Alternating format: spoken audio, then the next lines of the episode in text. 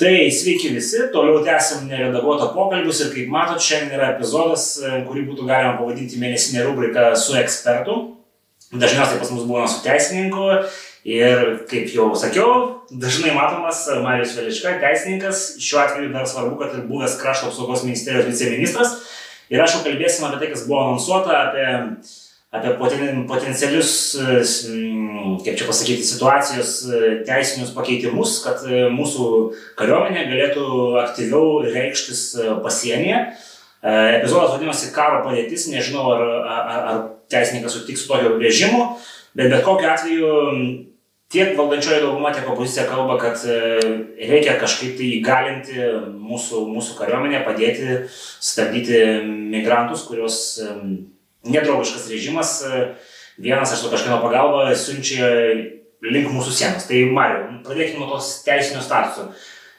Koks dabar yra teisinis statusas, į ką jį būtų galima keisti ir pliusai minusai, sakykime taip. Tai sveiki visi. Tai šiuo metu Lietuvoje teisinis statusas yra toks, kaip yra buvęs, tai yra taikos, taikos metas ir šiuo metu šalyje yra paskelbta ekstremali situacija dėl pandemijos kuri yra susijusi su viruso protrukiu ar ne. Ir klausimas, turbūt, kurį jūs Edvina uždavė, tai yra, ar mums reikėtų keisti dabartinę tą situaciją dėl pabėgėlių, ar ne, kalbant apie nepaprastosios padėties įvedimą. Tai mano gilių įsitikinimų tikrai taip. Ir tai yra vienintelis kelias, kada mes iš tikrųjų galėtume sutramdyti šitą problemą, kurią mes šiuo metu turime. Ką duoda nepaprastosios padėties įvedimas?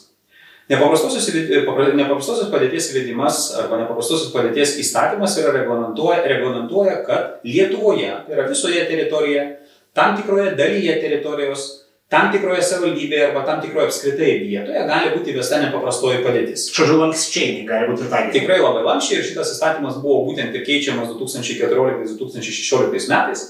Ir būtent visi šitie aspektai, aišku, nežiūrint migrantų krizę, tikrai tuo metu nebuvo galvota, bet buvo aptarta tai, kad nepaprastoji padėtis, kuri iki tol, iki to įstatymo įsigaliojimo pakeitimų buvo, kad yra įmanoma paskelbti tik visoje šalyje, dabar buvo išskaidyta, kad tu gali tai padaryti atskiruose regionuose, kas yra ypatingai svarbu šiuo atveju.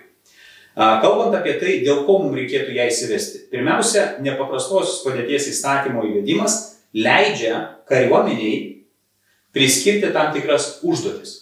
Šiuo metu, arba taikos metu, kuris yra šiuo, kuris yra šiuo metu, ar ne, kariuomenė gali atlikti pagalbinės funkcijas arba teikti pagalbą kitom institucijom. Turim suprasti paprastą dalyką, kad kol nėra nepaprastosios padėties, nėra karo padėties, mobilizacijos, paskelbimo ar dar kažko, tai už visą saugumą, už visą situaciją saugumą, už uh, nacionalinį saugumą, vidaus saugumą atsakinga yra vidaus reikalų ministerija. Tai yra policija, uh, viešojo saugumo tarnyba ir už pasienį, kur yra uh, valstybės sienos apsaugos tarnyba, kuri yra vidaus reikalų ministerijos pavaldume.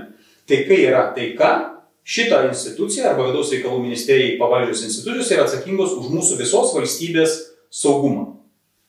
Kada yra įvedama nepaprastoji padėtis, tu gali paimti kariuomenę ir priskirti į funkcijas tokias kaip pavyzdžiui sienos saugojimas. Ką dar duoda e, nepaprastoji padėtis? Nepaprastoji padėtis šiuo atveju duotų valstybei gebėjimą nebepriimti pabėgėlių ir nebepriimti pabėgėlių prašymų. Čia matyti esminis. E, Čia yra pats svarbiausias dalykas šitoje vietoje, nes taip kaip dabar mūsų pareigūnai, valstybės sienos apsaugos tarnybos pareigūnai elgesi, tai yra, na, dabar keletas dienų jie išstuminėja pabėgėlius, viskas būtų gerai, tai būtų labai teisingas sprendimas, kuris negrėstų mums jokiais teismais ir pralaimėtum bylom, jeigu mes būtume paskelbę nepaprastąją padėtį. Nes paskelbus nepaprastąją padėtį valstybė gali nustoti vykdyti savo tarptautinius įsipareigojimus.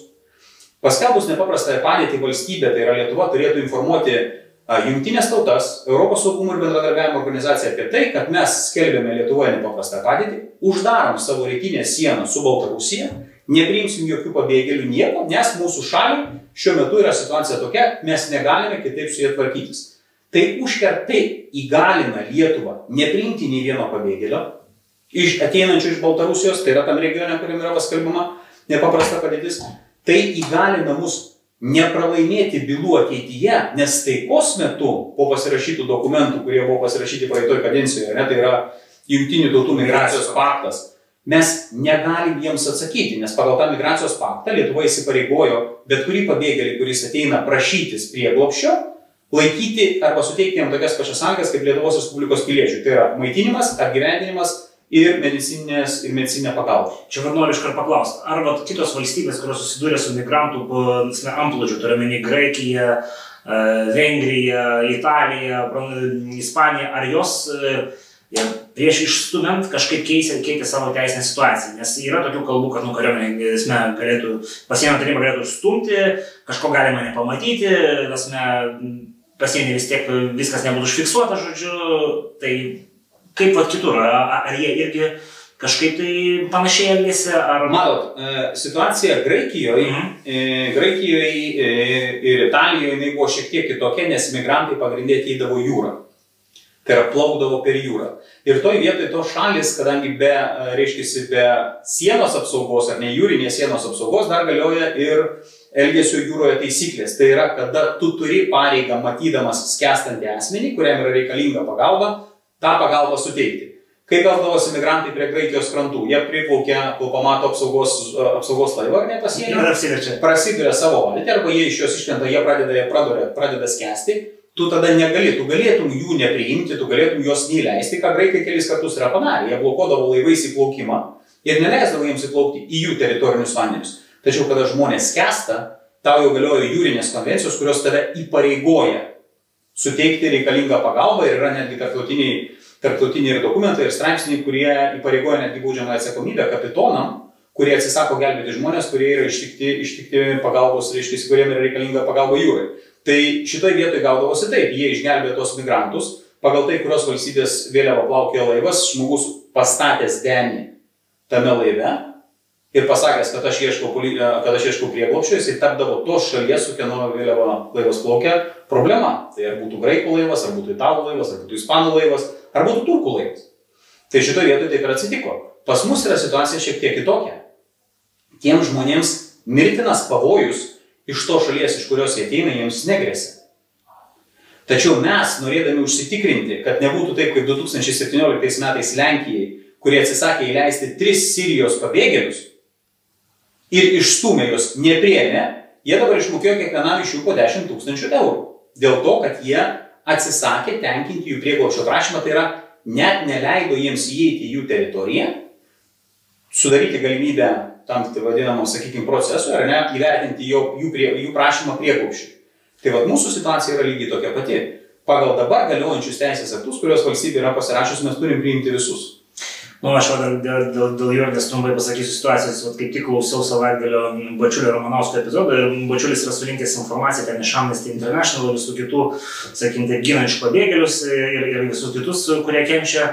Tai italai pasirodo e, dar kitaip darė, kad nereikėtų, žodžiu, jiem, kaip sakot, atsakyti ten gelbėti, jie susitardavo su kitoje pusėje jūros esančiom valstybėm, kad jos tenai susigaudytų savo pusėje, žodžiu, jie mokėdavo normalius pinigus, e, ten tom vadinamojiam militijom, žodžiu, dasme, nu, kažkokiem klanam, pavadinkim jas taip.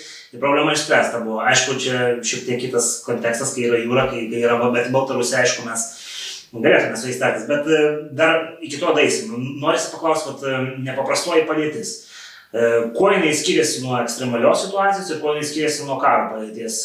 Ar čia dar kažkokių niuansų, gal mums užtenka ekstremaliosios padėties, nereikia nepaprastosios? Ekstremaliosios padėties tokio dalyko nėra. Nėra ekstremalioji situacija. situacija okay. Kada yra skelbiama ekstremalioji situacija, tada vyriausybė, jinai, reiškia, gauna tam tikras, atsiranda vadinamasis operacijos vadovas, pagal priimtą sprendimą, kuris vadovauja tos ekstremalios situacijos valdymui arba, sakykime, šalinimui. Tai ekstremali situacija gali būti bet kokia. Tų ekstremalių situacijų Lietuva per pastarosius dešimt metų turbūt ir turėjo daugiau negu dešimt. Nu, pavyzdžiui, nu, prisiminkim taip.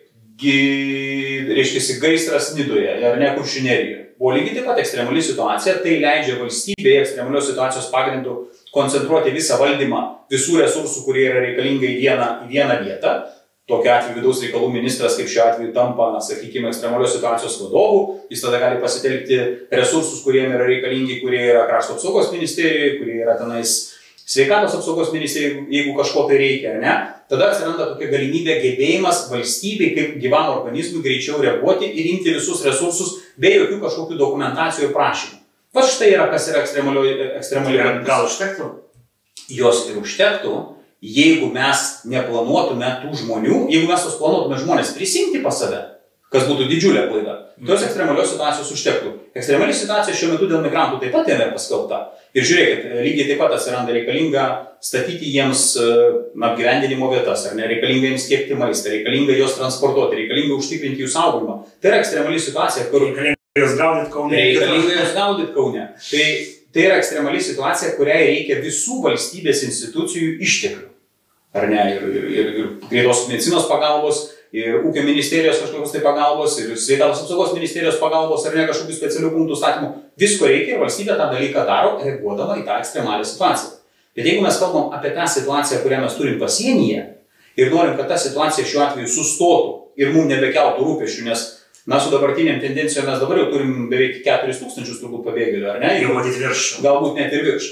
Tai įsivaizduokim, dabar prasidėjo tas mėnuo, kada padaugėjo skrydžių, ar ne? Po mūsų užsienio reikalų ministro vizito, kuris bandė suvaldyti situaciją, baigėsi taip, kad mes tie tiesiog dvigubai susiprastinom, ar ne? Tai galbūt toje vietoje būtų buvę geriau nieko nedaryti, negu padaryti tai, ką mes padarėme. Mes taip pat ne, nevertinam tos situacijos, o kiek yra skrydžių iš Maskvos į Minską. Ir kiek tie skrydžiai atgabena žmonių. Mes nevertinam situacijų ir neįmam domėn, o kiek yra skrydžių iš Stambulo į Minską. Ir kas yra tie keliaiviai, nes tu negauni tų vadinamųjų protokolų, ar ne? Kas atskrenda. Mes nevertinam dar vieno esminio dalyko, o kiek mes jų nepagaunam.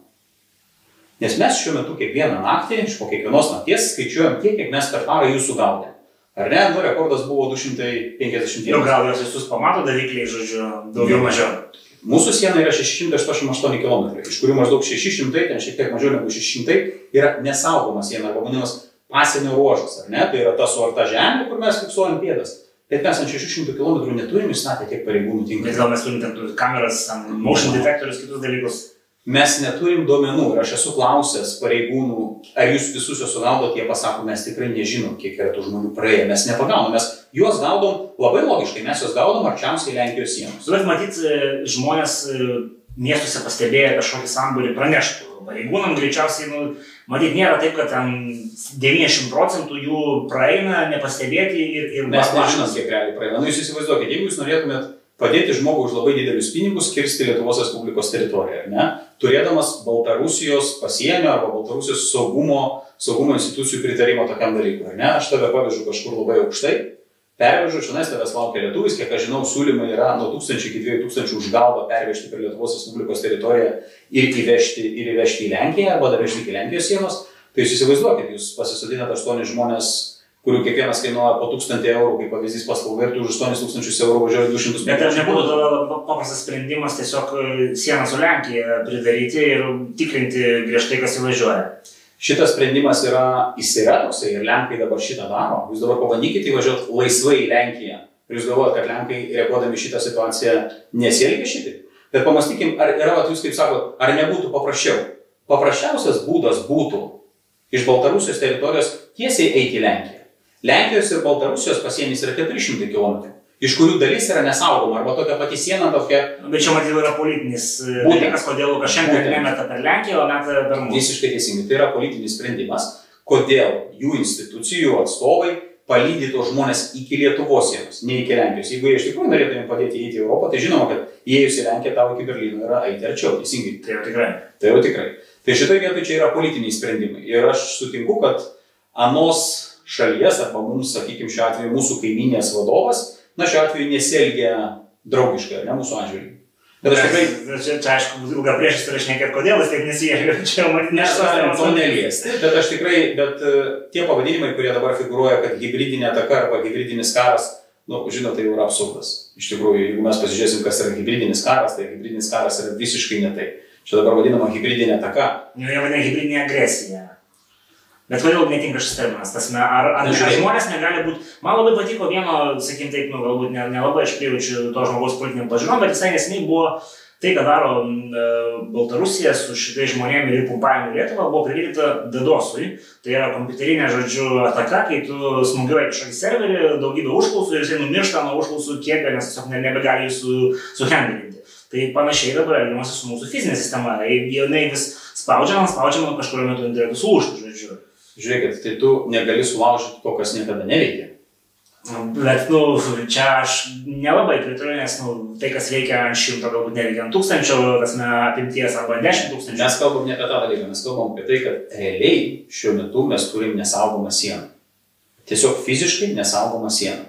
Tai, kad tenais yra suarta teritorija ir tai, kad yra pastatyti keletas daviklių arba filmavimo kameros, kurios kažkuria tai eilę mato, tai mes nesaugom sienos.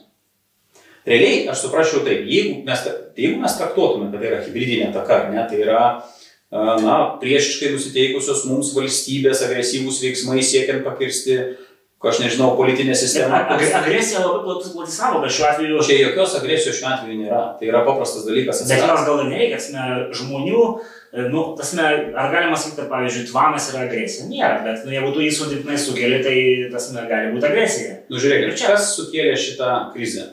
Realiai. Čia, aišku, jau gilus klausimas atsiranda. Tai mes, mes paimkim paprastus dalykus ir mes, kaip sakykim, imkim ir, ir, ir vadovaukime tais faktais, kuriuos mes turim. Bet tas faktas, žmonės juda. Gerai, papra- pradėkim nuo to. Ar žmonės, kurie atskrenda iš Irako, Sirijos, iš Afrikos kitų valstybių, atskrenda į Lietuvą tam, kad pakengti Lietuvos Respublikai? Ne, bet klausimas, matyt, ne čia buvo. Tai, dabar, aš prasidėsiu. tai jie atskrenda čia nais, nes jie sužinojo, kad atsirado spraga išoriniai ES Taip. Mūsų užsienio reikalų ministras nuvykęs, aš bandau, na, taip sakykime, retrospektyviai suprasti, apie ką jisai kalbėjo su Irako užsienio reikalų ministru. Sveiki, aš esu Gabrielius Landsbergis. Žinot, mes turim tokią problemą. Jūsų žmonės, kurie visiškai legaliai su vizom, jūsų piliečiai legaliai skrenda į Baltarusiją, nelegaliai ateina pas mus. Mes jūsų labai prašytume neleisti jiems legaliai skristi į Baltarusiją, kad jie nelegaliai ateitų pas mus. Tas ministras turbūt turėtų sakyti, sakykite, palaukite, jūs man paaiškinkite, tai jūs norit, kad aš savo piliečiam, kurie legaliai nusiperka kelionę, nusiperka vizą, legaliai nuskrenda į Baltarusiją, neleisčiau jiems to legaliai daryti, nes jūs turite 600 km sienos, kurios nesugebat apsaugoti. Aš visiškai su jumis sutinku šitoje vietoje, bet uh, hybridinė agresija būtų galima e, lyginti veiksmus, kuriuos atliko Baltarusija ar kartu su Rusija, ar be čia jau atskiras klausimas, kurie skatina to žmonės, tas jų atsiveža vis daugiau, didina reisų kiekius. e, Baltarusija, aš nesutikčiau su šitoje vietoje. Aš sutinku, kad Baltarusijos Respublika mums tikrai nepadeda spręsti šitos problemos. Iš bet jūs nesutiktumėte, kad jinai piktybiškai kenkia. Aš, sutik, aš, aš sutikčiau, kad jinai piktybiškai jos nesprendžia. Bet su tuo aš sutinku. Aš sutinku, kad jinai piktybiškai leidžia jiems skristi. Aš sutinku, kad jinai piktybiškai jiems gal net ir padeda praeiti, parodydama praeiti. Bet aš tikrai nesutinku, kad jie paėmė ir sugalvojo ir dabar sako, o dabar mes lietuvius užplūdinsim migrantų. Bet panašią situaciją kažkada turėjo turkai graikai, kai turkai tasme irgi naudojo pabėgėlius kaip tam tikrą politinės agresijos. Įrankį gauti tam tikrą finansavimą arba išsispręsti savo šaliai aktualius klausimus ES Tai arba va čia Lukašenka matyt daro panašų dalyką. Tai aš dar kartą ir sakau, kad jisai tai naudoja savo reikmėm, taip. Ar jisai yra tas, kuris tai organizuoja ir daro, kaip čia buvo kalbama, kad, na, girdėjau apie kompanijos šios skraido ir visą kitą, realiai pats pati galimybė suformavo tiem žmonėm, tos pati galimybė kirsti Lietuvos sieną, suformavo tai, kad žmonės tenais pradėjo plūsti. Atsirado rinka. Būtent, būtent. Ar Lukašenka galėtų sustabdyti? Manau, kad taip, jisai turėtų nutraukti tuos skrydžius.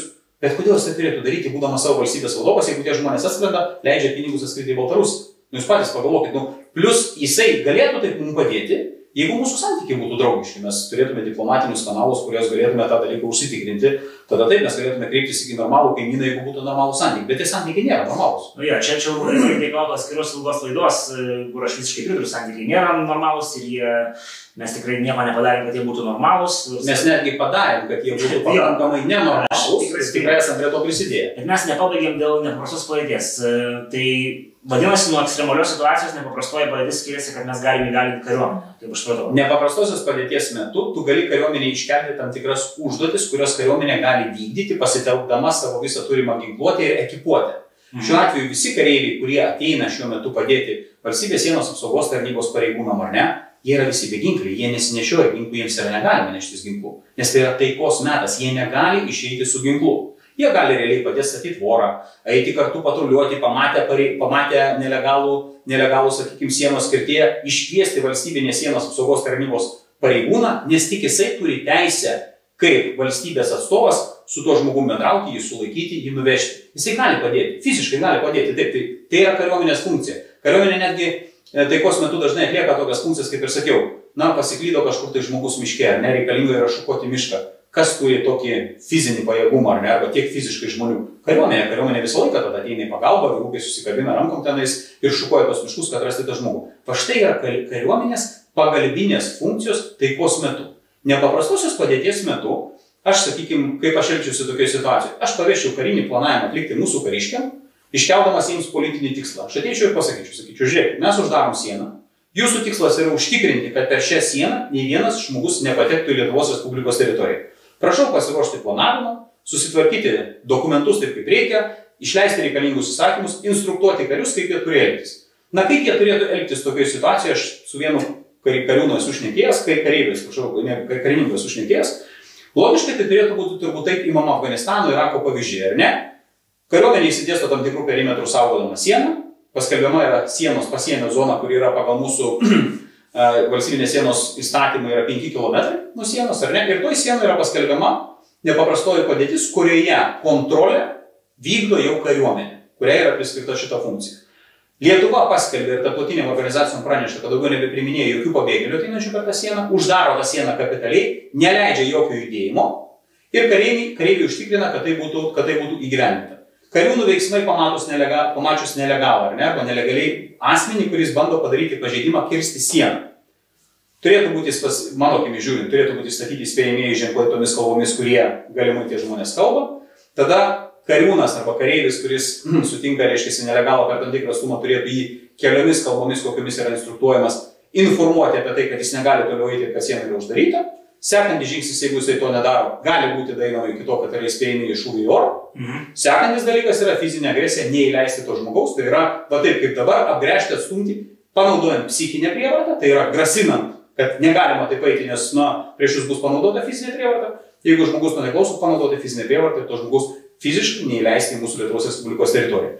Ir nepaprastosios padėties metu, jeigu šitie veiksmai būtų daromi, Lietuva būtų visiškai saugi, kad jinai tarptautiniuose teismuose nepralaimės bylų ir neprivalės išmokėti kompensacijų žmonių, žmonėm, kuriuos jinai atstumė. Nes tuo metu valstybė buvo perėjusi į kitą režimą ir turėjo teisę atsisakyti vykdyti tam tikrus tarptautinius įpareigojimus. Va štai yra teisingiausias teisinis sprendimas, kuris turėjo jau seniai prieš dvi savaitės būti priimtas tam, kad būtų pasiruoštas. Bet vat kyla klausimas, valdančioji dauguma kalba, kad jie įstatymiškai priims kažkokius pakeitimus, kurie įgalins tą patį, ką įgalintų šitą nepaprastoji padėtis.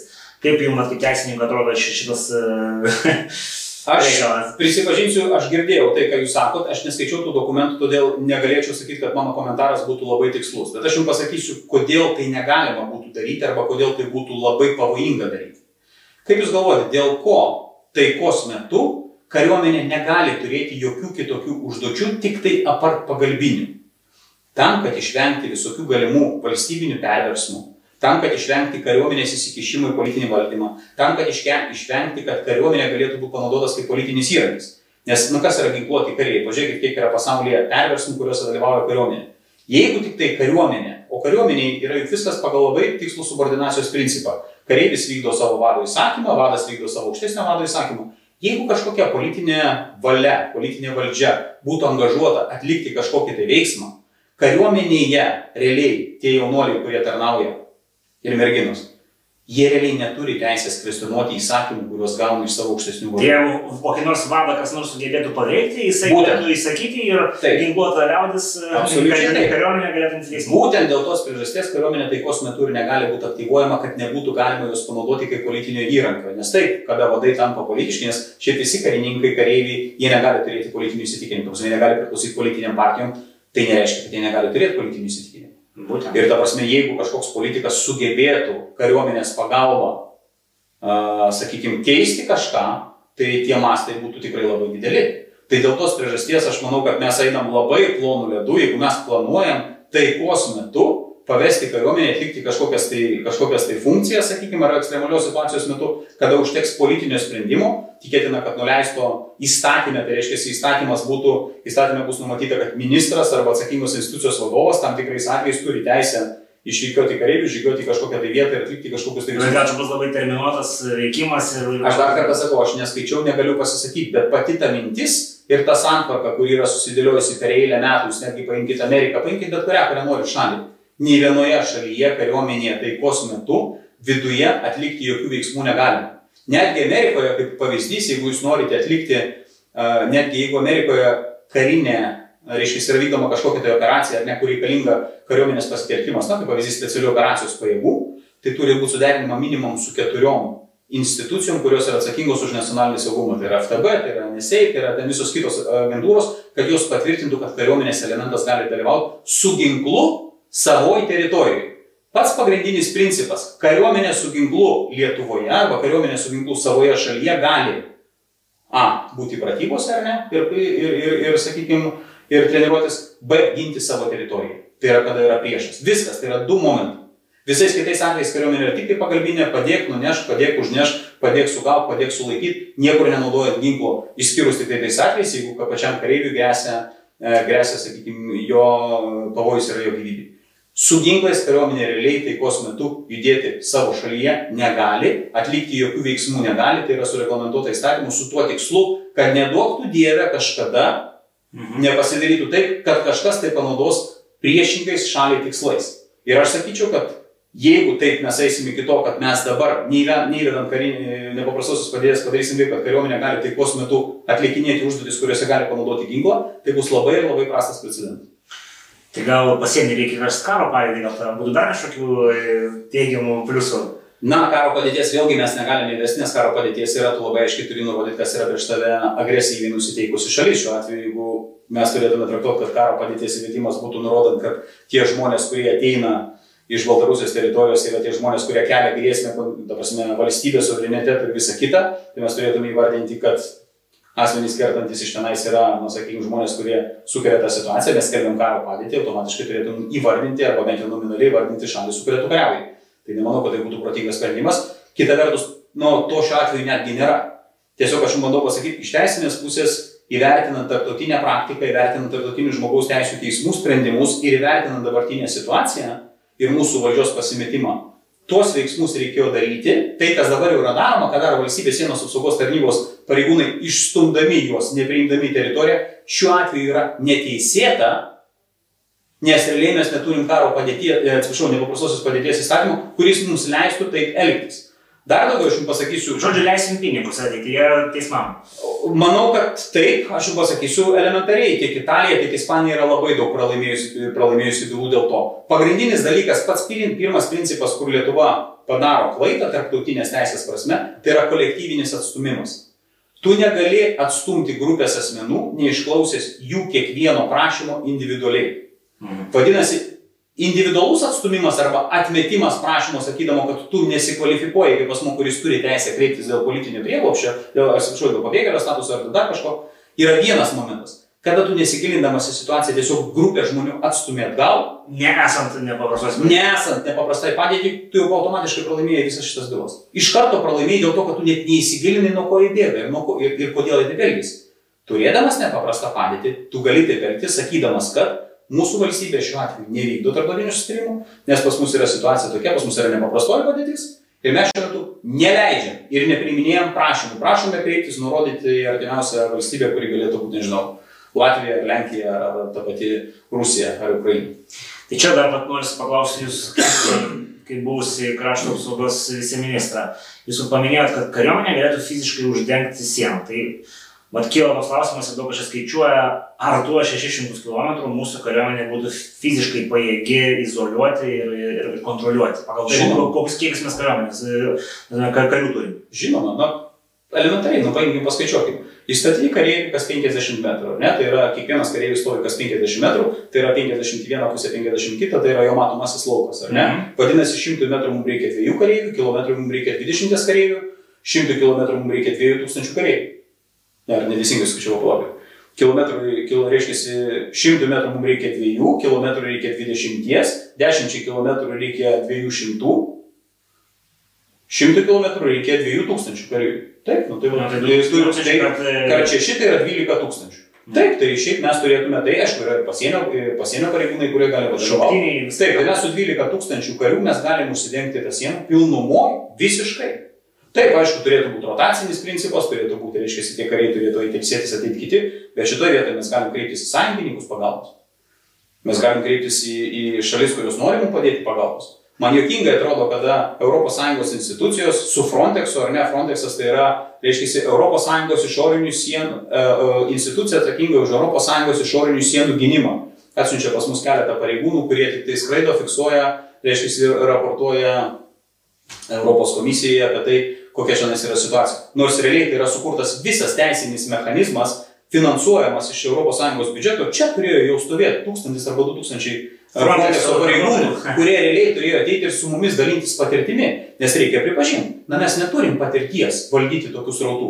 Mes nesam dalyvavę misijose, išskyrus misijose Afganistane ir Irake, kurios buvo kitokios paskirties, kurios kitok, buvo kitokios paskirties, tačiau tam tikri elementai, kurie galbūt artimi valdymui tenais buvo, ar ne, minios sulaikimas, ar ne neįleidimas, už tam tikros teritorijos, perimetro saugomas, tie dalykai buvo. Ir mūsų karininkai ir kariai, jie turi vadinamo šitos patirties. Tai, tenais buvo šiek tiek, šiek tiek kitaip, tenais buvo vadinama, kad ten buvo karo padėtis ar ne, ar tenais tu turėjai savo, kiekvienas karys žinojo savo instrukciją, kada jisai gali šaudyti, kada jisai negali šaudyti, jisai buvo ginkluotas ir jisai žinojo, kaip elgtis. Ir tai tramdydavo tos žmonės. Jūs įsivaizduojat, mūsų pagrindinis juk sprendimas šito vietoje yra koksai, kad žmonės, kurie susidurs su mūsų saugoma siena, su pareigūnais, su kariais, kurie jos atstums, kur bus pasakyta, jie paskambintų į Iraką saviem bičiuliam, kurie ten planuoja atskristi ir pasakytų, žiūrėkit, kolegos, viskas, užsidarė šitą temą, mes į Lietuvą nebepapuolam, jį išvedė kariuomenė, kariuomenė yra pasiruošus panaudoti jėgą, Kaliano su Kalianu mums virš galvų keli šūviai, mes tenais neįsim, mes nebepraeisim, nes šalis uždarė sieną. Ir tada visas šitas antplūdis nuslūgtų, ta žinutė pasiektų jo sakydama, kad štai viskas, jau mes per Lietuvą nebegalim praeiti. Šiuo metu žinutė, kuri yra, viskas gerai, einam, mūsų renka, mūsų paima, mūsų veža į stovyklą, mes jau esame Europos Sąjungoje. Tai dabar dar noriu perėti prie kito momento. Va šiandien Lukašenka pradėjo platinti žinutę, kad vienas yra nelažuvęs jau nuo mūsų. E, ar čia neatsiranda kažkokio precedento, kad e, pradės gabenti, nežinau, ISIS narius ar kažką panašaus ir, ir, ir turėsim kažkokį tai, kažkokį tai masto konfliktą ginkluotą pasienyje. Tai žinoma, kad atsiranda. Čia yra pagrindinė problema. Pagrindinė problema yra ta, kad esant kiaurai ES sienai, tam tikros organizacijos gali tuo pasinaudoti, siekiant infiltruoti asmenys, kurie galėtų atlikti kažkokius teroristinius veiksmus. Nebūtinai Lietuvoje, bet jiems reikia patekti į ES. Tai jūs man pasakykite, kaip jūs galvojate, kodėl tie žmonės, kurie ateina prie mūsų sienos, sunaikina savo dokumentus ir ateina ir pasako, kad aš savo dokumentų neturiu. Nu, juk, juk, ne, juk nebuvo taip, kad tu galėjai įsėsti tarptautinį skrydį be paso teisingai ir atskristi į Minską be paso. Taip nebuvo, tu turėjai tą dokumentą. Kodėl atėjęs į Lietuvą, jisai sunaikina tą dokumentą ir mums prisistato, kad jis aš neturiu to dokumento. Dėl to, kad jo identifikavimo procedūra būtų ženkliai ilgesnė. Tai yra tai, kaip šalis prisėma jį, jinai pirmiausiai turi identifikuoti. Kad jį identifikuoti, jisai to pasako vardą pavardę. Mes neturim biometrinės sistemos susijęs su Afrikos šalim, tai nėra ES, kur mes keičiamės informaciją, kiekviena šalis ar ne, kur yra bendra bazė. Tai nėra Amerika, tai nėra kitos draugiškos šalis, su kuriomis tu turi tarptautinius sustarimus, pagal kuriuos tu gali užklausęs ar per ambasadą, ar per kažkur, ar per savo, sakykime, counterpartą gauti visą info. Mes neturim su Iraku tarptautinių sustarimų. Mūsų užsienio reikalų ministro vizitas tenais labai aiškiai parodė, kaip, ko, ko, mes, kokiuose geruose santykiuose mes esame. Realiai Mes nežinom, kas yra tas žmogus. Jisai prisistato galbūt išgalvotų vardų. Kaip jį patikrinti? Kad jį patikrintų, turi kreiptis į Irako ambasadą ar ne, arba į Irako savo counterpartą vidaus reikalų ministerijai. Mes neturim tarptautinės sutarties, jie neturi pareigos mums teikti tos informacijos. Ir tu nežinai, kas yra tas žmogus. Žinom, kad ten yra žmonių, aš esu šimtų procentų įsitikinęs, kad ten yra žmonių, kurie turi kažkokių tai sąsajų. Jau dabar. Jau dabar. Mes jų tik tai negalim identifikuoti. Gal jie nebuvo tie tikrai kombatantai, kurie kariavo, bet jie tikrai turi sąsajų. Ar jūs galvojat, kad tarptautinė, na, kriminalinė organizacija arba, sakykime, tarptautinė karinė organizacija nepabandys to pasinaudoti, aš esu tikras, kad pabandys. Ir mes šitoje vietoje turim didžiulę grėsmę, saugumo prasme mes turim didžiulę grėsmę, nes mes negalime identifikuoti tų asmenų. tai kalbant apie tai, mes dabar kuo daugiau mes jų priimsim, tuo ta grėsmė bus didesnė. Aš nesu tikras ir negaliu dabar pasakyti, kaip yra identifikuojama, ar tas asmo, kuris atėjo be dokumentų, prisistatė savo tuo vardu, kaip tu identifikuoji, kad tai yra būtent tas asmuo, kad jisai neprisistatė išgalvotą pavardę, jeigu tu neturi jo biometrinių duomenų. Kokiu būdu? Ar jūs įsivaizduojate, kad mums... Socialiniuose tinkluose tikrina. Ar jūs, tikite, ar jūs tikite, kad Baltarusija, kad mes galėtume įsatyti, na, logiškai pamastykim tai, sveiki, aš esu kažkoks Abdul Hasanas, ar ne, aš atskridau reisų tokią tai tokią dieną iš e, Bagdado į, į Minską, viskas tvarkoja, kaip patikrinta informacija. Bagdadas tokios informacijos mums neduos, arba duos ją tikrai po kažkokio tai laiko. Kreiptis į Baltarusiją, paprašyti paprašyti, reiškia, jų pasienio, pasienio pareigūnų pagalbos, ar toksai asmo pats skrido, kokius dokumentus jisai pateikė. Taip, jeigu santykiai būtų draugiški, tai turėtume. Matėme, jų pareigūnai palydė iki sienos e, migrantų. Tai šitoje vietoje mes turim daugybę žmonių, kurių mes negalime identifikuoti. Negalėdamas tu identifikuoti to žmogaus, man asmeniškai automatiškai kiltų, na, toksai pakankamai padidintas susidomėjimas arba padidintas rūpestis to žmogum, o kodėl tu draskai savo dokumentus, kodėl tu man jų nepatikė.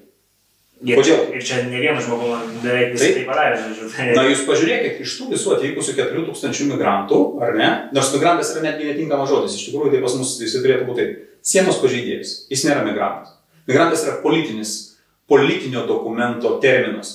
Lietuvoje, Lietuvos teisės terminologijoje žodžio migrantas nėra. Pas mus yra valstybės sienos pažeidėjas. O štai yra tas asmo. Asmo, kuris kreipiasi dėl pabėgėlio statuso, yra asmuo prašantis pabėgėlio statuso. Jeigu jam yra suteikiamas pabėgėlio statusas, jisai tampa pabėgėliu. Jeigu jam yra atmetamas pabėgėlio statusas, jisai lieka neteisėt ir prasme valstybinės sienos pažeidėjų. Viskas. Ir nėra tų kitų, kitų terminų, kuriuos čia politikai dabar yra įvėlę, ekonominiai migrantai ir visokie kitokie. Tai yra politinis dialogas. Teisiškai tai yra valstybės sienos pažeidėjai ir su jais reikėtų elgtis kaip po tokiais.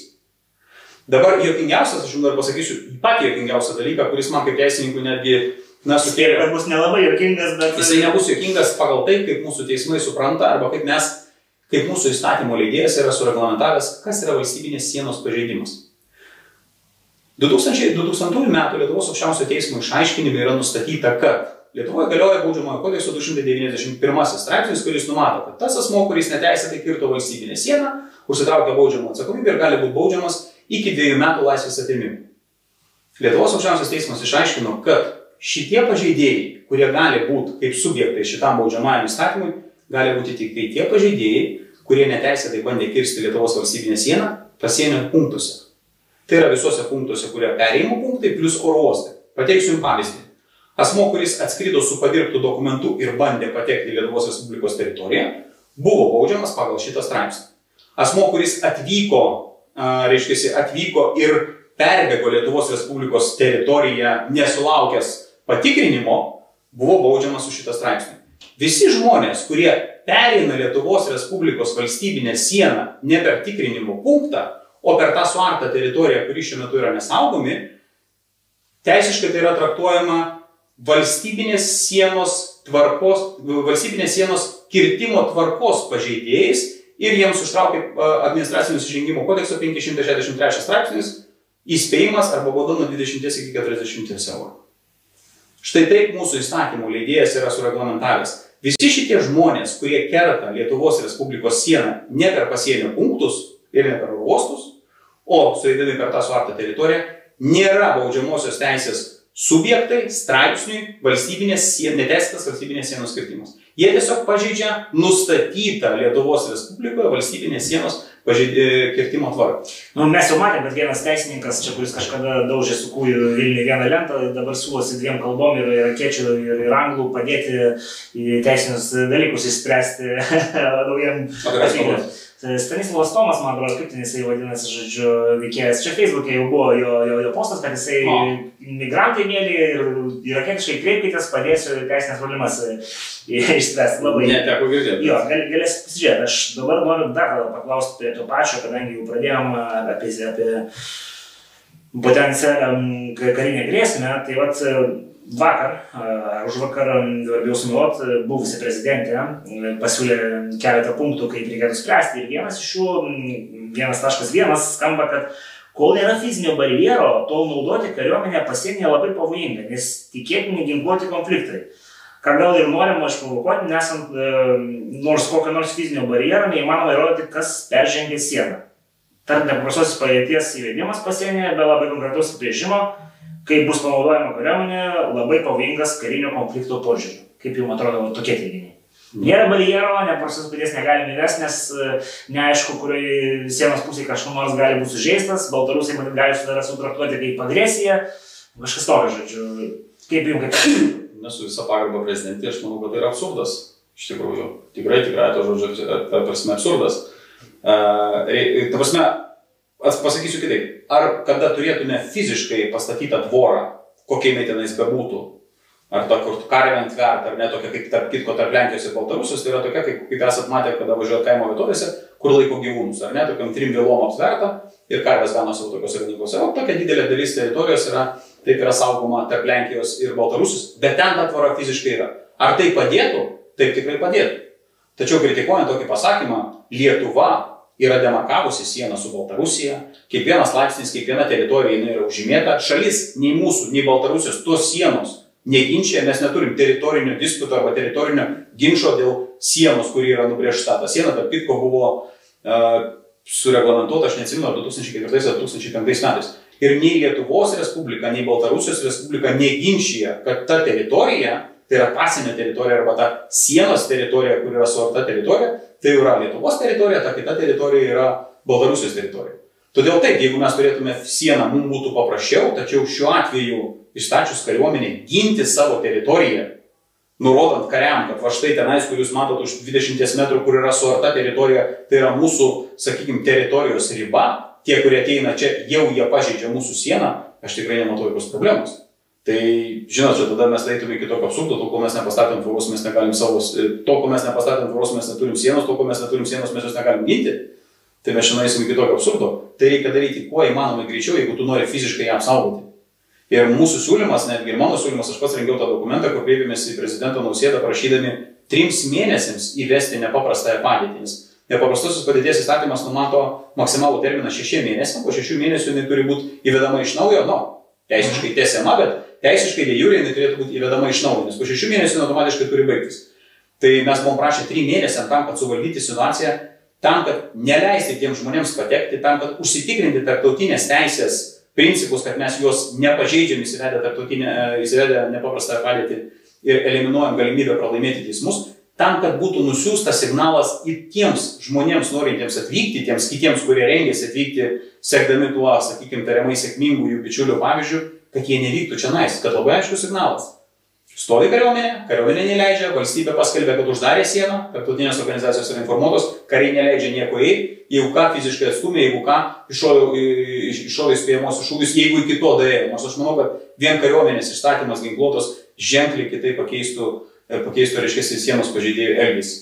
Nes tu nusudėtingai stumsi žmogų, ar nesakydamas, eik tenais, jeigu tu matai, kad jie savo ginkluoti kariai, ir tavo kalbom yra įstatyti pranešimą apie tai, kad čia yra valstybinė siena, teritorija ir užduotis. Baltarusiam gal pavyktų bet ar, ar eitų patys e, pabėgėliai? Prasme, patys žmonės eitų ir vienas dalykas taip įvyktų, vienas bandymas praeiti, įvyktų antras bandymas praeiti, kada kariai su to susitvarkytų ir juos atmestų atgal, fiziškai ir psichologinį smurtą naudodami, ir fizinį smurtą naudodami, jeigu tai yra reikia, būtų skambutis Irakas, sakytų, šitą temą baigti. Jūs manot, kad e, realiai šaunamųjų ginklų panaudojimas e, ekstra atveju yra, yra normalus dalykas. Šaunamųjų ginklų panaudojimas prieš beginklių žmonės tai nėra ekstra atveju dalykas, tai yra neįmanomas dalykas, jo nereikia niekada naudoti.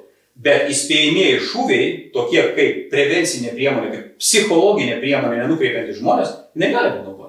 O, ir, o jau pats sulaikymas tada vyktų kitom priemonėm. Sulaikymo nereikia. O esmė, varžos apmušimas ar panašiai. Prasme, tai yra ateina kareiviai, fiziškai įsirikiuoja ir fiziškai išstumė tos žmonės, pasakydami, kad negalima. Psichologinis smurtas tai yra panaudoti visą savo ekipuotę, įspėjamosius žodžius ar ne, grėsmingą savo išvaizdą ir taip toliau ir panašiai, tam, kad atstumti žmonės. Tai pagal tą hierarchiją taip yra galima. Bet ar čia nebūtų problema, jeigu e, susidūrė pabėgėliai šitie nelegalai, pamatytų, kad e, šaunamieji ginklai nenaudojami, tik tai įspėjimo, gal jie grupelėmis bandytų kirsti kariuomenės. Tai šitoje vietoje kariuomeniai, tai aš šitoje vietoje dar, dar kartą sakau, kariuomeniai turėtų būti pavestas atlikti reikalingas planavimas, kad užtikrinti tą karinę užduotį, kuriems yra keliama, karinė užduotis būtų apsaugoti valstybinę sieną ir mūsų kariai, remdamėsi savo praktiką, pasikonsultuodami su mūsų kolegomis ar ne iš tarptautinių organizacijų ir visur kitur, jie turėtų labai aiškiai pasakyti. Ir aš čia mano yra sugalvota, va, kaip aš įsivaizduoju, tai turėtų būti daroma.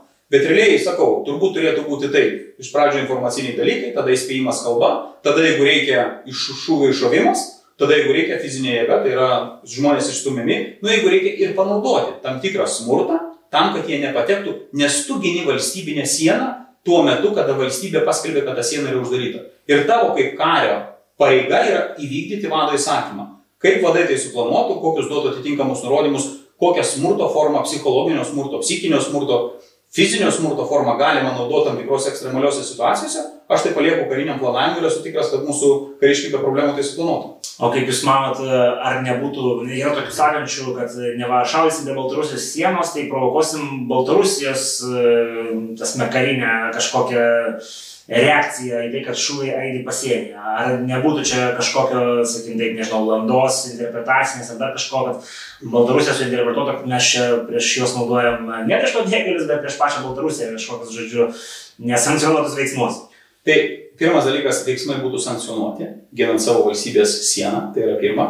Antras dalykas, ar turint fantazijos tai galima panaudoti, žinoma, kad galima panaudoti. Tai jūs galvojate, kad dabar po to, kada valstybinė sienų apsaugos tarnyba pradėjo išsuminėti Baltarusiją, nepanaudos to. Tai mes jau matėm, kad tai mes jau matėm, kad naudoja. Bet jie dabar netgi turi ir pagrindą geopolitiniai prasmei kalbėti apie tai, kad žiūrėkit, viena iš ES šalių, kuri pasirašė Junktinių tautų migracijos paktą, šiuo metu net nepriema ir išmetinėja žmonės. Mes negalim šiuo metu, taikos metu taip elgtis. Mes šitus veiksmus galėtume daryti, jeigu mes ateiname ir pasakome, kad mes uždarėm sieną, tada mes ją ginam ir tada mes galim pasakyti, kad žiūrėkit, šiuo metu mes netaikom šito pakto, šiuo metu mes netaikom kitų tarptautinių įsipareigojimų arba susitarimų, memorandumų dėl pabėgėlių prieimimo, nes šiuo metu mes tą sieną uždarėm. Tai va tokiu metu, tokiu būdu tu eliminuotum galimybę tai spekuliuoti ir tai panaudoti prieš tave. Dabar jūsų klausimas iš tikrųjų yra geras. Ar Baltarusiai nepanaudotų tos situacijos, kad kariai yra išsirikiavę palei, palei jų sieną, reiškia, e, prieš juos, ar ne? Tai taip, aš dar kartą sakau, skelbiant nepaprastą padėtį, valstybės pareiga yra informuoti tam tikras tarptautinės organizacijas, kurios gali atsiųsti stebėtojus. Jungtinės tautos, Europos saugumo bendradarbiavimo organizacija. Normaliai pačią Baltarusiją dar neinformuoti. Žinoma, ir tada, ta prasme, kada Baltarusija sakytų, žiūrėkite, jie tai ir tai ir daro, Europos saugumo bendradarbiavimo organizacijos būtų atitinkamai teikiama nota, aš įsivaizduoju, turbūt per mūsų užsienio reikalų ministeriją ir Baltarusijai pranešant, kad yra šiuo metu vykdomas toksai toksai veiksmas, Europos saugumo bendradarbiavimo organizacija gali atsiųsti stebėtojus, jie yra informuoti, tokiu būdu tu informuoji savo kaimyną, kad šitas veiksmas, kuris yra atliekamas, jis nėra atliekamas prieš tave. Ta prasme, aš neturiu kėslo tave užpult, aš neturiu kėslo išstatydamas kariuomenę palei tavo sieną sukelti su tavimi karo. Aš kviečiuosi tarptautinės organizacijas, stebėtų organizacijas, kad jie įvertintų tai, ką aš darau. Jūs turite, kiekviena šalis turi ESBO savo atstovus, ta pati Baltarusija turi ESBO savo atstovus, jie gali gauti visą informaciją, gali kaip stebėtojai ateiti. Tokiu būdu valstybė skaidriai, diplomatiškai parodo, kokių veiksmų imasi. Be šito, bet šitie visi veiksmai, taip, jie gali išprovokuoti kažką, ką mes jau šiandien matom, kad yra pasirodęs straipsnis apie tai, kad kažkoks migrantas berots yra sužalotas ar ne, gal, net ir, gal net ir žuvęs, mes neturim tokių duomenų, bet Jo, mes turime, bet Lukašenka tokias pareigas. Čia yra vienas hipotetinis klausimas iš Patreono, kuris galbūt susišaukia, o jeigu Baltarusija irgi išstato karių, ginkluotų karių sieną užnugaryje ir vat, migrantai atsiduria tarp dviejų tasme, ginkluotų linijų, ką tada daryti, žodžiu, ir jie blaškasi ten ir ten ir ten. Kokia situacija? Šitoje vietoje tada įsijungia tarptautinė teisė. Pradėkime nuo to.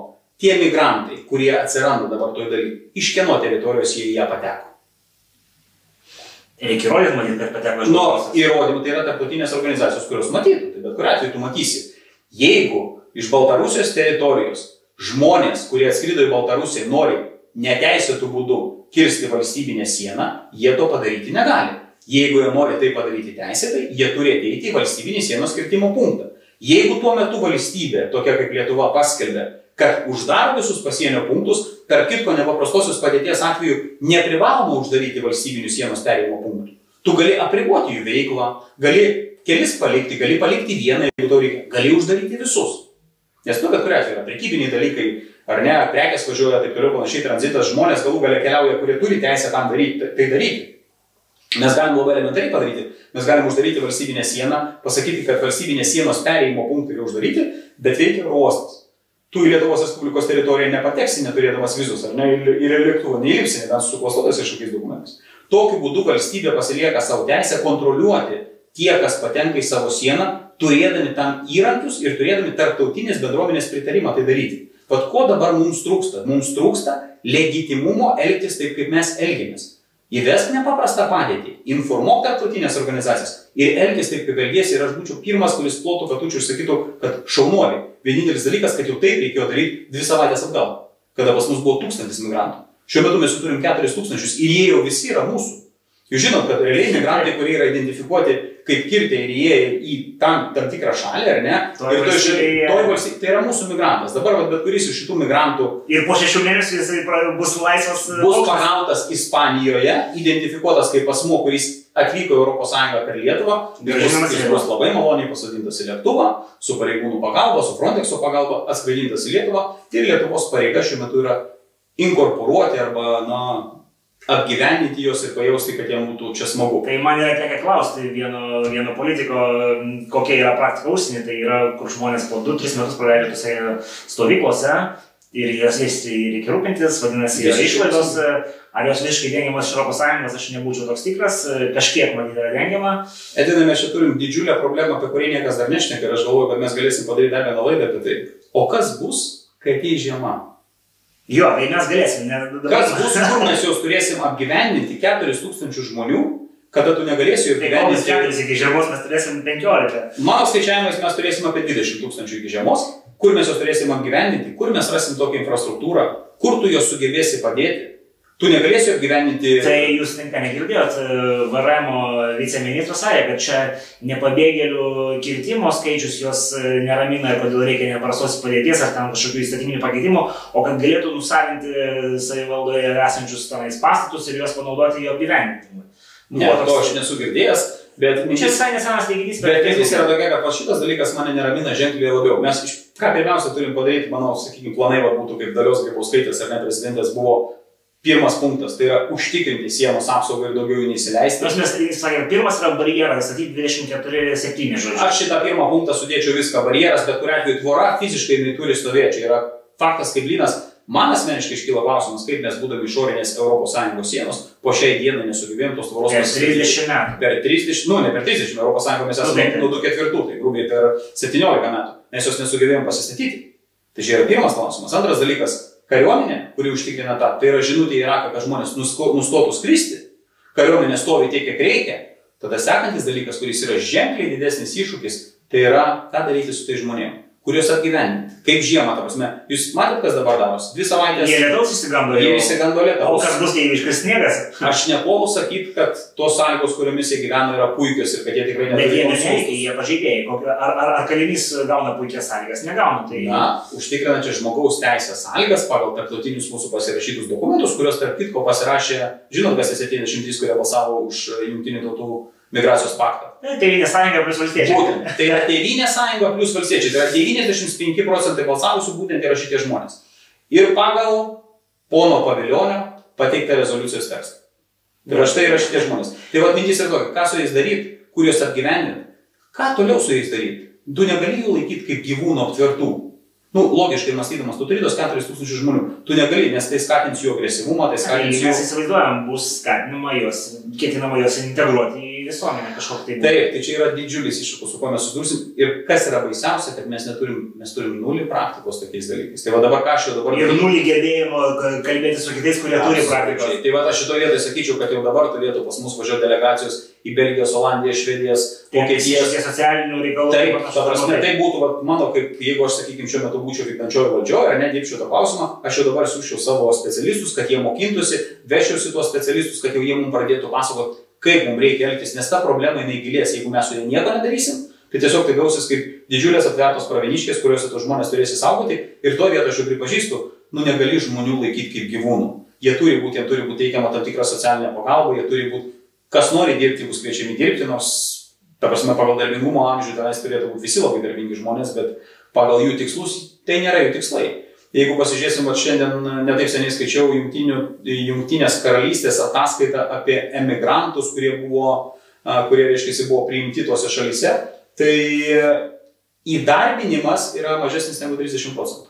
Jie, žodžiu, nori pašalpų ir, ir savo gyvenimo būdo Tol, tol, kol jų socialinis paketas gaunamas toje valstybėje, kurie atvyko, yra ženkliai geresnis negu ženkliai geresnis, negu jie galėjo gyventi pas save, jie nenori dirbti. Nu kam jiem dirbti, jeigu jisai gauna, Anglijoje, man atrodo, jisai gauna, ar Vokietijoje, aš neatsimenu, jisai gauna čiut ne 2000 eurų į mėnesį, maisto Tai čia talonus. daugiau negu minimali alga. Ne, tai mi- minimalios algos poreikius. Tad- Tada gauna Uh, Nu, Didžioji Britanija apie, apie tūkstantį svarų yra minima Taip. ilga, tai bordelio, bordelio talonus, kad galėtų nueiti išlėti savo tą vadinamą energiją, ar ne, kad negalėtų būti neigiama, kad jisai galėtų, Ne, sakykime, dėl to kaip privalumai. Taip, tai Vokietijoje čia yra, dabar net nesenas buvo, nesenas buvo straipsnis, bet taip, jie gauna, man atrodo, ar kartais savaitę ar kažkada tai talonus į vadinamus bordelius, kurie gali, sakykime, nueiti ir, nu, ta prasme, vyriškai, vyriškai įsilieti. Tai šitoje vietoje, nu, va tokie absurdai priveda iki to, kad tie žmonės susikūrė iliuziją, kad jie atvažiavę čia nais gyvens taip, kaip jiem turbūt aprašyta jų tose knygose ar ne rojus. O realiai apie tai, kad Europą sudėtingų savo darbų, ta prasme, nuosekliai dirbdami ir visą tai susikūrė, ir socialinės garantijos yra tam, kad teikiamos turi būti tik tiem žmonėm, kurie nusipelnė, ar ne, arba tiem, kurie nesugeba patys pasirūpinti savimi. Bet ne kažkokiem tai, atsiprašant, parazituojančiams asmenims. Tai va šiuo atveju mes turim tai, ką turime. Tai pačiai pabaigai, kadangi mes jau aišku, kad turėsime apie pabėgėlius dar ne vieną laidą, yra dar vienas e, elementas, kuris čia yra svarbus, tai yra Baltarusijos ir Rusijos kariniai manevrai Zapad e, 2021. Taip. Ką mums reikėtų daryti iš teisinės pusės, mobilizacija kažką, ar nebus taip, kad e, šitą sienos neramumai ir, ir, ir tie manevrai kažkaip gali būti sujungti iš kitos pusės ir, ir, ir e, bent jau pabandoma įvykdyti kokią nors, nežinau, diversiją kažką, pro, provokaciją. Mm, atsakyčiau jums šitaip, kad e, manau, kad dabartinis paskutinis planavimas, kuris yra padarytas ar ne, dėl Zapad 2021, kažkiek bus adaptuojamas su migrantais, tam, kad siekiant patikrinti galbūt mūsų, sakykime, gebėjimą reaguoti, kuris iki šios dienos, reikia pasakyti, buvo apgailėtinas ir yra apgailėtinas. Taip kaip mes reaguojame į migrantų krizę, tai yra apgailėtina, kaip mes reaguojame, mes nesugebame užtikrinti sienos savo, ta prasme, žmonės pas mus ateina taip, kaip nori ir realiai mes, mes atrodom tikrai labai klaikiai ir liūdnai. Tai manau, kad tai kažkiek bus adaptuota. Ar tai galėtų būti kažkokia tai zapat pratybų dalimi, manau, kad galbūt ne, bet teoriškai net nešiau šitos galimybės. Dabar e, pasakyti dėl zapat pratybų reikia pastebėti vieną, vieną momentą, reikia mūsų žiūrovom paaiškinti. Reiškia taip. Visos pratybos, kurios yra atliekamos e, bet kurioje valstybėje pagal 2011 m. Europos saugumo bendradarbiavimo organizacijoje, yra nurodoma, kad jeigu pratybose dalyvauja daugiau negu 12,5 tūkstančių žmonių, arba atsiprašau, karių, Mhm. a, turi būti kviečiami tarptautiniai stebėtojai.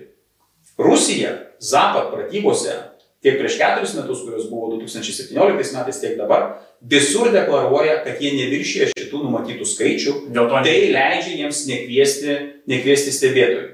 Kaip jie paaiškina tą dalyką ir va tuo metu aš tada dirbau, kaip tik buvo pasirengimas 2017 metų Zavo pratybom, tai tada buvo labai aišku, kad jie, nu, jie daro iš tikrųjų tarptautinės teisės principų labai paprastai. Jie visas šitas pratybas išskaido į mažesnės pratybas, tose pratybose tas skaičius neviršyje ir jie deklaruoja, kad šiuo metu pas mus vyksta, kaip pavyzdys, nežinau, 15 atskirų pratybų, kuriuose dalyvauja po 12, mažiau negu 12 tūkstančių žmonių, dėl to mes niekur jūsų neprivalom kviestis. Mhm. Na ir tokie va dalykai yra ir ta prasme jau vakarai yra to dalyko pasimokę ir jie puikiai supranta, kad ir 17 metais Zapat pratybose tuo metu dalyvavo beveik apie 60 tūkstančių karių, ar net visose apygardose, kurie, kurie vyko. Tai šitoje vietoje reikia pasakyti, kad čia, čia bus lygiai kažkas tokio pačio.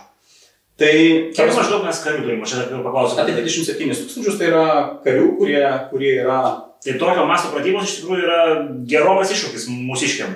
Visos tokio dydžio, tokios didelės pratybos yra gerokas iššūkis. Apskritai, na, žiūrėkit, kas yra pratybos, mes turėkim, pradėkim, pa- paaiškinkim nuo, nuo to paprastai. Kada yra skelbiamos pratybos, yra visą laiką metų pradžioje paskelbiami pratybų planai. Kiekviena valstybė, kiekvienos valstybės žvalgyba, tame tarpe ir Lietuvos ir NATO valstybių žvalgyba susipažįsta ir žino, kad tokiu tokiu metu Rusija kartu su Baltarusija tokiose apygardose, pas juos yra apygardos keturios, penkios berots, šiaurinė, šiaurinė, centrinė, pietinė ir vakarinė, atliks tokias pratybas. Ir atitinkamai šalis, kuriuose, kurios gyvena palei to pratybų teritorijos, atitinkamai tai reaguoja. Zapat pratybos, tai jau pats pavadinimas, ar ne, vakarų pratybos, ar ne, vakarai 2021 pasako, kad tai dažniausiai bus aktyvuojama vakarinis, vakarinio apygardų kariai, čia bus mokinam, mokinamasi kaip pervežti, kaip logistinės grandinės užtikrinti, kibernetiniai pajėgumai bus tikrinami. Kaip suvalko koridorių pratybų. Labai tikėtina, 17 metais, tarp kitko, tokie, to, toksai pratybų scenarius vienas iš jų ir buvo, kaip sujungti iš Baltarusijos teritorijos susijungti su Kaliningrado sritimi. Turime atsiminti, kad mes vienintelė valstybė, vienintelė valstybė NATO alijansė, kuri turi uh, sieną su Rusija rytuose, atsiprašau, vakaruose, ne rytuose. Tai yra Kaliningradas, ar ne? Nu, Lenkija, matyt, dar panašiai turi. Lenkija turi į šiaurį. Ja. O mes, kaip sako vakarai ir rytai, tai mes turime realiai tie, kurie turi vakaruose ir rytuose. Tai mintis yra tokia, kad e, tose pratybose Lietuvos karinė parengtis visą laiką yra pakeliama. Tada, kada iškyla tokia potencialiai grėsmė ir mūsų yra tam tikri indikatoriai, NATO indikatoriai, mūsų, reiškia, indikatoriai, mūsų žvalgyba renka duomenys, tarp kitko viena iš efektyviausiai veikiančių NATO valstybių žvalgybos, tai yra Lietuvos žvalgybininkai, kurių duomenys yra ypatingai gerai vertinami NATO alijanse. Tai realiai yra taip, mes turim keletą, keletą kariuomenės reagavimo lygių. Pirmas reagavimo lygis, tai yra pažemiausias lygis, tai yra tada, kada kariuomenės, kariuomenės atstovai arba kareiviai yra neišleidžiami atostogauti, jie tiesiog yra išleidžiami namo, bet jie visi yra informuojami, kad jie turi dviejų valandų bėgyje, tai yra nuo skambučio susirinkti savam dalinį ir visas dalinys turi atsirasti toje vietoje, kur reikia. Aukštesnis lygis arba aukštesnė karinė parengtis būna tada, kada kariai yra neišleidžiami iš, reiškia, iš tų vadinamų uh, bataliono, bataliono arba, sakykime, iš, iš, iš, iš karinės, karinės, karinio miestelio ir jie lieka nakvoti karinėme miestelėje, tai reiškia, jų mobilumo greitis yra ženkliai didesnis, jie realiai 50 minučių bėgėje nuo alarmo paskelbimo jau būna išsireikiavęs į kieme ir jau yra pasiruošę atlikti tam tikrą užduotį. Dar aukštesnis lygis yra tada, kada kariuomenė yra išvedama iš savo pastovios buvimo vietos, tai yra, sakykime, daromos irgi atitinkamos pratybos ir jos dažniausiai yra išdėstomos kažkuriame tai regione, tam tikrais vienais metais mes darėm pratybas, kada buvo atliekamos ZAPO pratybos, aš nesimenu, ar 17 metų ar, ar, ar, ar, ar 13 metų, bet tada mes buvom ties tauragį išvedę, man atrodo, savo kariuomenį ir įsistatę irgi, reiškia, tam, kad jeigu vis tik tai, jeigu vis tik tai tos pratybos būtų muilo burbulas arba uždangalas ir realiai, nes nu tokiu būdu kariuomenė juda priešo, priešo sakau, atsiprašau, oponento teritorijoje, kuri realiai gali staigiai persisukti, nes tu nežinai pratybų scenarius ir gali tave užpulti tai tu jau stovi išstatę savo kariūnus ar ne kareivius, kurie yra pasiruošę atitinkamai reaguoti. Tai yra karinė padėtis. Nu, ir aukščiausia karinė padėtis tai yra tada, kada jau yra mobilizuojama visa, visa kariuomenė, kariuomenė išsidėsto ir laukia, kas čia bus. Tai atskirais regionais aš manau, kad ir dabar tas lygis tikrai bus pakeltas, mūsų, mūsų žvalgyba tikrai bus informavę, krašto apsaugos ministerija atitinkamai bus reaguojama ir planai tikrai yra surinkti ir jeigu pagal numatomus skaičius, kurie dalyvaus, E, Zapat pratybos, jeigu tie skaičiai atitinkamai kels mums grėsmę, atitinkamai mes busim sureagavę pasikėlę savo parengties lygį, esant reikalų, netgi išvestume kariuomenę prie sienos. Nu, yra buvę, kad tankas pasiklydo per pratybas įvažiavo į mūsų teritoriją, aš kažkur skaitęs tai tokia. Esu kažką skaitęs, bet aš neatsimenu tokių dalykų, tik tai noriu dar pasakyti, kad paskutinės šitos pratybos 2021 m. Zapat pratybos, taigi aš esu susipažinęs su, su CEPA, tai yra tokia Amerikos think tanko, reiškia, analizė tai jos yra, nors ir vadinasi ZAPO 2021 ar ne, bet jos yra labiau skirtos, e, labiau skirtos mobilizuoti ir tikrinti tuos padalinius, ne tuos, kurie yra įsidėstę vakariniai daly, bet tuos, kurie yra įsidėstę vakariniai daly prie Ukrainos sienos, tai yra Rusijos apačioje. Kadangi Rusija ir ukrainiečiai yra dėl šito taip pat, aš suprantu, yra pakankamai sunerimę ir įsitempę dėl to, kad, na, pratybų mastas tau leidžia legaliai, mulkinant, jeigu jau tu toks esi, sakykime, slapukas, legaliai permesti didelės ginkluotų pajėgų dalis į tam tikras teritorijas ir esant reikalui užpulti nepasiruošusi, nepasiruošusi priešą kaimynai. Bet tokio precedento matyt dar nėra buvę, kad pratybų. Tai bus, tie... aš noriu tik tai pasakyti, kad toks precedentas yra buvęs, nes Ukrain, Ukrainoje, kada buvo įsiveržimas į Ukrainos teritoriją, nežaliai iš Krymo ar Donbasą? Į Donbasą ir paskui, kada nueidinėjo iki Krymo, kada visas šitas konfliktas prasidėjo, juk iki to laiko Ta prasme, prieš tą konfliktą prasidedant, jau judėjo karinė, kariniai pajėgumai Rusijos tenais ir tai buvo daroma pratybų, pratybų pretekstu, nes, na, tokiu būdu tu aiškini, kad žiūrėk, pas mus yra šiuo metu pratybos, kaip pavyzdys, logistinis. Mes šiuo metu permetinėm ir žiūrim, o kiek užtrunka laiko pervesti iš, nežinau, iš vakarinės apygardos į rytinę apygardą, nežinau, tankų diviziją. Ne, tankų mm. divizija tai yra kokia, nežinau, 300 tankų, ar ne? Mm. Tie daiktai važiuoja, taip visi stebi, bet ne visi, ne, visi negalvoja, kad, galvoja, kad tikrai iš tikrųjų praktikuojasi, žiūri, skaičiuojasi logistinius iššūkius žiūrisi, ar ne, kiek geležinkelių tu gali užsikrauti, kiek platformų tu gauni, nes tuo metu pagrindinė problema ir indikacija, dėl ko gali būti atsiradę, atsiradus problema, buvo tai, kad sutriko komercinis geležinkelių transportas. Dėl to, kad visos platformos, kurios seniau veždavo, uh, veždavo, sakykime, sunkia kažkokią techniką, bet civilinė technika, buvo rezervuotos kariniai technikai ir, ta prasme, tai vienas buvo iš indikatorių, kad realiai vyksta kažkoks tai didelio masto karinės technikos pervežimas Ir automatiškai visos žvalgybos į tai reagavo, nes nu, jeigu tu telki techniką vienoje, vienoje teritorijoje, tu pasižiūri, kad tu iš tos teritorijos kokio dydžio manevrą tu gali atlikti, kokio dydžio žalą tu gali padaryti, atitinkamai kiekviena valstybė turėtų tai reaguoti, bet ukrainiečiai tada tai nereagavo. Ir štai gavosi, kaip jų gavosi, kad realiai rusai sugebėjo sutelkti savo pajėgas tame toje dalyje savo, savo šalies ir iš tenais puikiai atakavo ukrainiečius. Ukrainiečiai tuo metu netgi nesiuošė, nes nuo tuo metu laikė, kad Rusija tai yra draugiška jiems valstybė. Ir jiems kaip valstybė tai kainavo labai daug ar ne, teritorijos praradimas, Krymo praradimas. Tai Krymo. mes turėtume ruoštis jūsų manimu. Vienareikšmiškai. Aš šitoje vietoje pasakysiu, kad lietuviai tikrai labai stropiai tai daro. Ir aš labai džiaugiuosi ir labai tikiu, kad ir krašto apsaugos sistema šiuo metu tikrai suveiks taip, kaip reikia. Ir čia suveikia su ZAPA pratybom ir Latvija, ir Estija, ir Lenkai. Ir patikėkit manim, visi šiuo metu, netgi Lenkai, kiek aš žinau, ar ne prieš mėnesį, ar ne prieš du jau permetė savo uh, tankų batalioną, berots, ar diviziją netgi į, prie Baltarusijos sienos. Jau šiuo metu tankai stovi tenais. Prasme, tai yra taip, tai kiekviena šalis atitinkamai tą dalyką ruošiasi, aš manau, kad ir mes pasiruošim tam ir tikrai yra planai ir žinau, kad yra planai ir tikiu, kad, kad šitoje vietoje lietuviai tikrai padarys taip, kaip padarydavo kiekvienais metais. Tai ką, Marijau, manau, kad e, tuo ir baigėm šitą epizodą, nes e, turim mes, aišku, ką apšnekėti ir kitų potėmių šitoj, bet vat, galbūt palaukim dar savaitę, pažiūrim, kaip sekasi mūsų valdančiai daugumai valdyti krizę ir pratesim šitą temą, bus tada aiškiau, kokios pasiekmes, e, koks e, vektorius e, šito viso reikalo. Ar, ar sutinkat su tokiu scenariu? Žinoma, tai aš tik tai noriu palinkėti valdantiesiems sėkmės, labai tikiuosi, kad jie susiprotės ir susitvarkys. Aš tikiu, kad tenais yra ekspertų, kurie jiems gali patarti. Man labai keista, kad, na, jau yra ekspertai, universiteto ekspertai, docentai, dėstytojai pasisako apie tos dalykus. Galų galę, nu, yra tarp galų galę tarptautiniai dokumentai ir tarptautinės institucijos, kurios turi, gali patarti, kaip reikėtų tokioje situacijoje elgtis. Tai man iš tikrųjų kažkiek keista, kad mes taip nedarom. Na, bet labai tikiuosi, kad jų sprendimai yra geri, o aš esu, aš esu tas, kuris klysta. Nors perskaičius tarptautinę praktiką ir visą kitą, aš jau sakyčiau, kad 99 procentais aš esu teisus, o jie yra neteisus. Na, bet linkiu tik sėkmės ir tikiuosi, kad jie sugebės tai padaryti. Kol kas, kol kas mes atrodom labai graudžiai. Nu, tikėkime, mūsų valdančioji dauguma neišvaistys e, per daug lėšų ten, kur jų nereikėtų švaistyti, o tendencingai jas e, mobilizuos e, tam, kam jos labiausiai reikalingos. Ir ką, dar kartą dėkui pašnekovui. Dėkui visiems, kurie žiūrit, nepamirškit mūsų socialiniuose tinkluose, aišku, visus paramos yra tai, iš ko mes gyvenam. Ir ką, iki kitų kartų.